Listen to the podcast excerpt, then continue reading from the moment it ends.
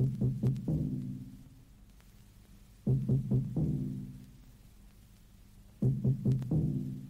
er historiske dage med en særmelding.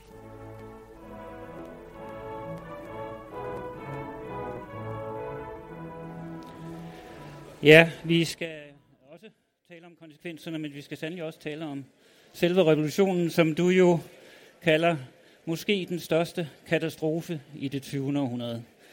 Og det er jo en, et voldsomt udsagn. Ja. Kan du meget kort lige sige, hvorfor lige præcis det, vi har jo haft verdenskrig og alt muligt andet forfærdeligt i 20. århundrede, hvorfor lige der går det galt?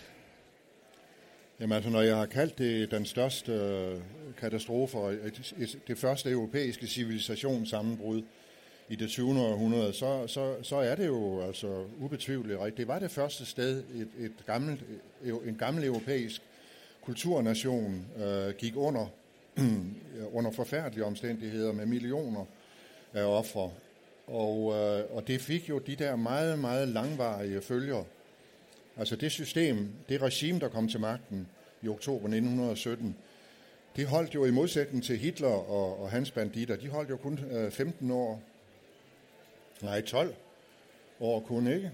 Øh, mens de her, de sad jo øh, to menneskealdere og næsten 70 år, så derfor har det fået, og de udbredte jo deres øh, system til store, store dele af verden. Så derfor mener jeg, at det er en rigtig betegnelse. Ja, og vi fik jo nogle gode efterfølgere, Mao og Pol Pot og andre gode regimer.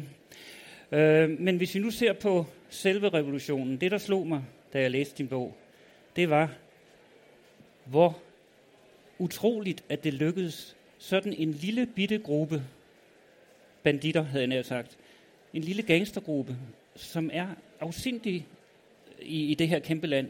Det er meget, meget få, at tage magten og holde den. Det er jo, det er jo helt vanvittigt i virkeligheden.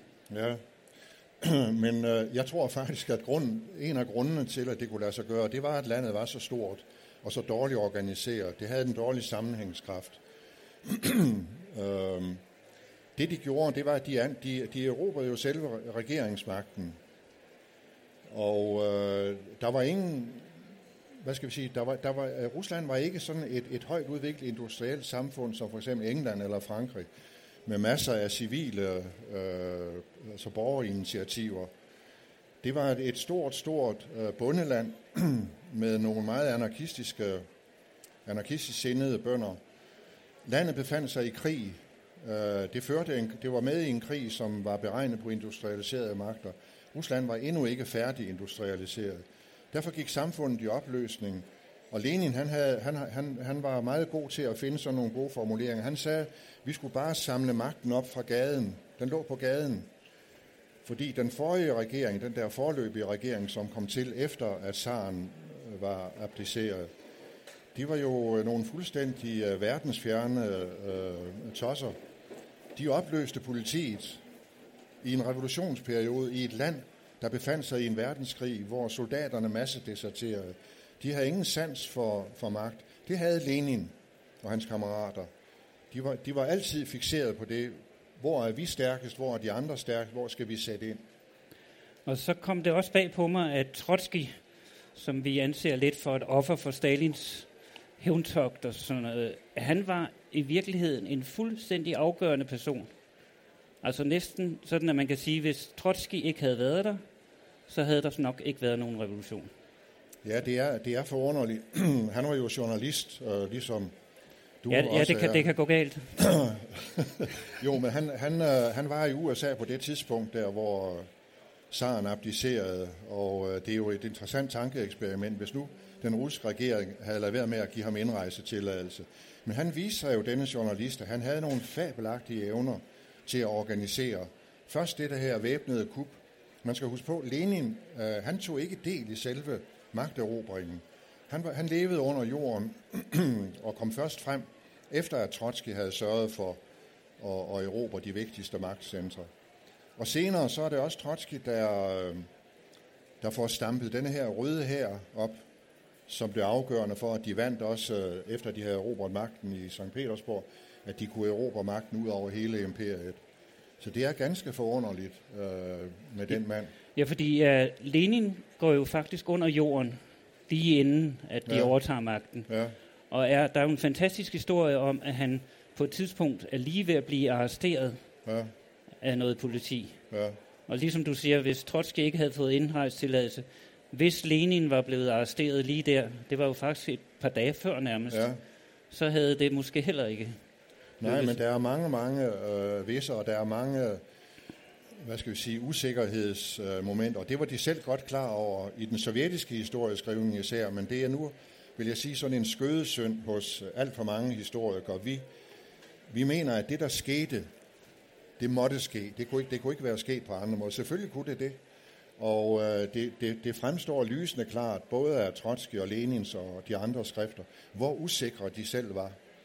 Både der under selve magterobringen, i dagene og ugerne efter, ja flere år efter, at øh, det hele det kunne ende i en katastrofe. Og så, øh, Du siger jo også, øh, at der, da det så efter fire år, at de er usikre, øh, der i 22, der er de jo ikke bare usikre, der er de, er de faktisk begyndt at indse, at nu kan det faktisk bryde sammen. Altså nu er det lige Ja. før, at det her er patienten, når man så må sige, er ved at dø. der var i, øh, i, i mange år efter øh, de erobrede magten der i oktober-november 1917, der var det sådan, at øh, det nye regime, de kontrollerede kun byerne, og ikke engang alle byerne, og ikke engang hele bybefolkningen. Men i hvert fald, det var der, de havde deres magtcentre. Hele de store landområder, jeg understreger igen, Rusland var jo et, stort bundeland, 85 procent af befolkningen levede på landet. De var behersket af bondeguerillaer, og det vil sige, at bolsjevikerne, når de skulle bevæge sig mellem to byer, så skulle det kun ske under væbnet eskorte. De bevægede sig simpelthen ud i fjendeland. og det tog altså de der fire, tre, fire, fem år før, de havde fået dem alle sammen ned med nakken. Og der er det der i øh, 21, der indser Lenin, at øh, det risikerer, vi risikerer simpelthen at blive sultet ud og blive ødelagt. Og så er det, at han giver bønderne den der store, store indrømmelse som de så kaldte den nye økonomiske politik. De var meget dygtige til det der Orwell-sprog. Fordi det var i virkeligheden den gamle politik. Ikke? Det var markedsøkonomi og kapitalisme, kan man sige, for, for bønder og små virksomheder. Og det reddede regimet. Så faldt øh, den sidste modstand øh, sammen. Øh, vi har jo længe, eller nogen af os har hørt, at Lenin var jo ligesom den gode.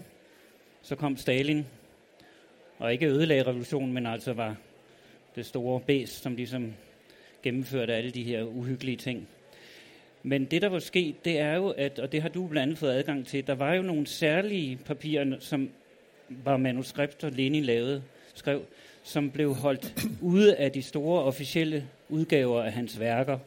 Fordi hvad der stod i det, det var åbenbart ikke noget, vi kunne tåle at se. Nej. der blev udgivet i, øh, i sovjetperioden Lenins samlede værker. Jeg tror, de var på 55 bind. Sådan cirka halvanden meter. og, øh, og der stod i forordet, øh, at det var simpelthen, der var revl og krat. Det var de samlede skriftlige produkter fra Lenin, men det viser, at det var ikke rigtigt. Der var flere tusinde dokumenter, som lå i et særligt aflåst rum i det der arkiv, som hed Institut for Marxisme-Leninisme i øh, Moskva, hvor jeg for øvrigt har arbejdet øh, sammen med mange andre udenlandske historikere, også da det blev fri, da det blev åbnet. Og der lå flere tusinde dokumenter, som altså var så slemme, mente, mente øh, regimet, at det var bedst, de blev, de blev liggende der, fordi altså, det, der, der viser man, øh, der, de dokumenter viser en side af Lenin som en utrolig blodtørstig, næsten psykopatisk øh, figur, som til synligheden har stor glæde og tilfredsstillelse ved at slå, slå folk ihjel. Der kommer den ene detaljerede instruks efter den anden. Så og så mange præster, så og så mange godsejere, så og så mange kapitalister, så og så mange prostituerede i en bestemt by, og klynge dem op så højt, at de kan ses flere kilometer. Det skriver han. Ja, det skriver han. Øh, detaljerede instrukser også for, hvis nogen blev anklaget og, og skulle stilles for en dommer, hvordan de skulle dømmes, hvad de skulle dømmes for, hvor mange der skulle dømmes af et eller andet. Og de er først blevet kendt øh, efter, at øh, det gamle, det sovjetiske regime brød sammen.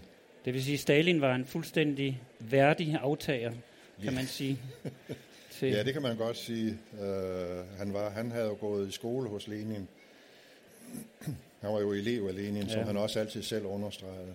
Men det, man kan så undre sig over, det er, at de øh, jo åbenbart, samtidig med, at de er meget dygtige til at se fjendens svagheder, se at fiske i rørt vande, altså lave kaos, helt bevidst kaos, så de kan overtage magten, så er de jo også glødende idealister. Altså, øh, man kan ligesom undre sig lidt over, hvordan kan de forbinde den der meget øh, præcise øh, fornemmelse for, hvad der faktisk foregår, med den her åbenbart virkelig fanatiske tro på, at nu er de ved at skabe et ut- utopisk samfund.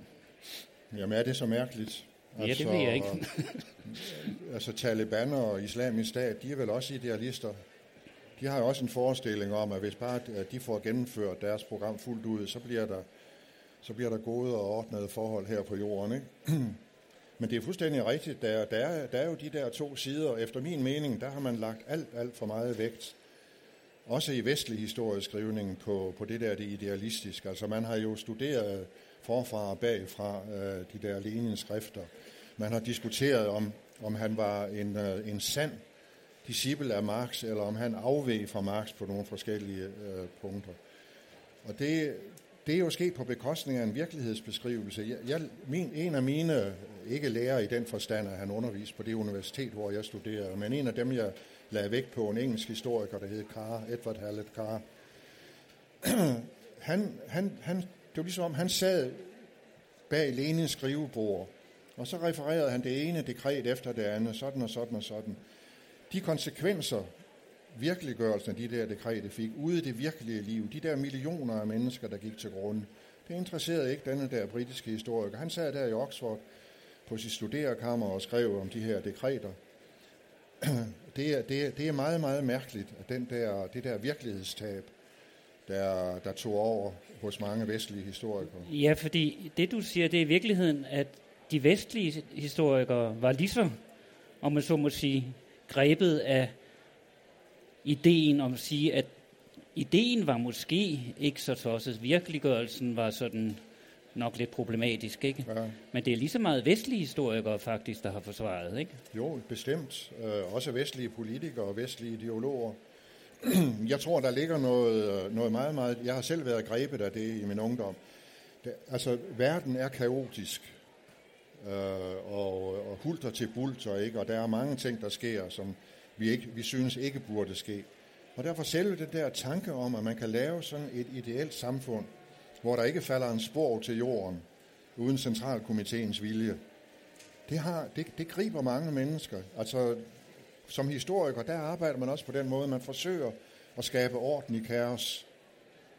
Og hvis man så også kunne gøre det i det virkelige liv, så ville det for øvrigt være let at være historiker. Så, så, var, der Ret, ikke noget, ret kedeligt. så var der ikke noget at, sk- ja, så ville det blive kedeligt, fordi ja. så var der ikke være noget at skrive om. Nej, men det, øh, det er jo det store mærkelige. Men det, som sådan set, jeg synes, man kan konkludere ud af din bog, det er, at i stedet for, at idealismen er en form for undskyldning, hvor man siger, ja, men de ville jo det gode, så er det jo faktisk den glødende idealisme, der gør, at de ligesom virkelig kan gennemføre de her onde ting. Ja. Fordi det har de jo lov til, fordi det er jo netop deres glødende tro på et utopi, som gør, at nu har de frit slag. Jo, og så også det der, øh, det, det, det er fuldstændig enig, men også det der med, at de, der modsætter sig en, øh, et, et, et schema, et projekt, der er så indlysende rigtigt efter deres opfattelse, de må jo være ondskabsfulde. Det er dårlige mennesker. Og derfor fandt de fandt jo på det der forfærdelige udtryk, bolsjevikerne, om øh, deres modstandere, som de kaldte forhåndværende mennesker. Det vil sige mennesker, der ikke havde ret til at leve. Og det, og det udmyndtede sig jo også i den praktiske politik fra dag et. Der var rationering, øh, madrationering og rationering på alt muligt i Rusland, det var i krig. De fik ikke uddelt rationeringskort. Deres børn måtte ikke komme i skole. De havde ikke adgang til nogen form for, for de goder, som, som normale borgere havde. De var simpelthen sat uden for, sat uden for loven. De var forhåndværende mennesker, som skulle tilintetgøres. Ja, de hørte til, som øh, de havde et godt udtryk, de hørte til på historiens møding, Ja, ikke? Hvor, det øh, var, det var før det trotske udtryk. ja, som øh, er et meget malende. Det vil sige, Ja.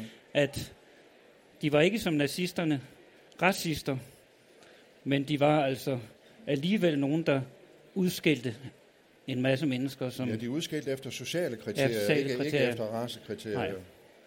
Nej. Men de var, de var ligesom nazisterne meget, meget besatte af det der med, at der er noget, der er rent, og der er noget, Ja. der er urent. Og de urene, de skulle ikke forgifte det nye Nej. øh, sovjetmenneske, og derfor skulle de væk. Ja. Ja, men øh, nu skal vi slutte, og vi kan tænke på, at vi selv er ved at, i Danmark for øjeblikket faktisk har nogle idéer om et meget rent samfund lige for øjeblikket. Kan vi tænke lidt over det? Ja, tak.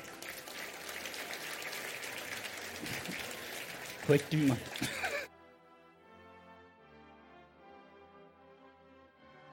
Tak til Ben Jensen og Bo Bjørnvig for en spændende diskussion om, hvor omfattende og katastrofal den russiske revolution var.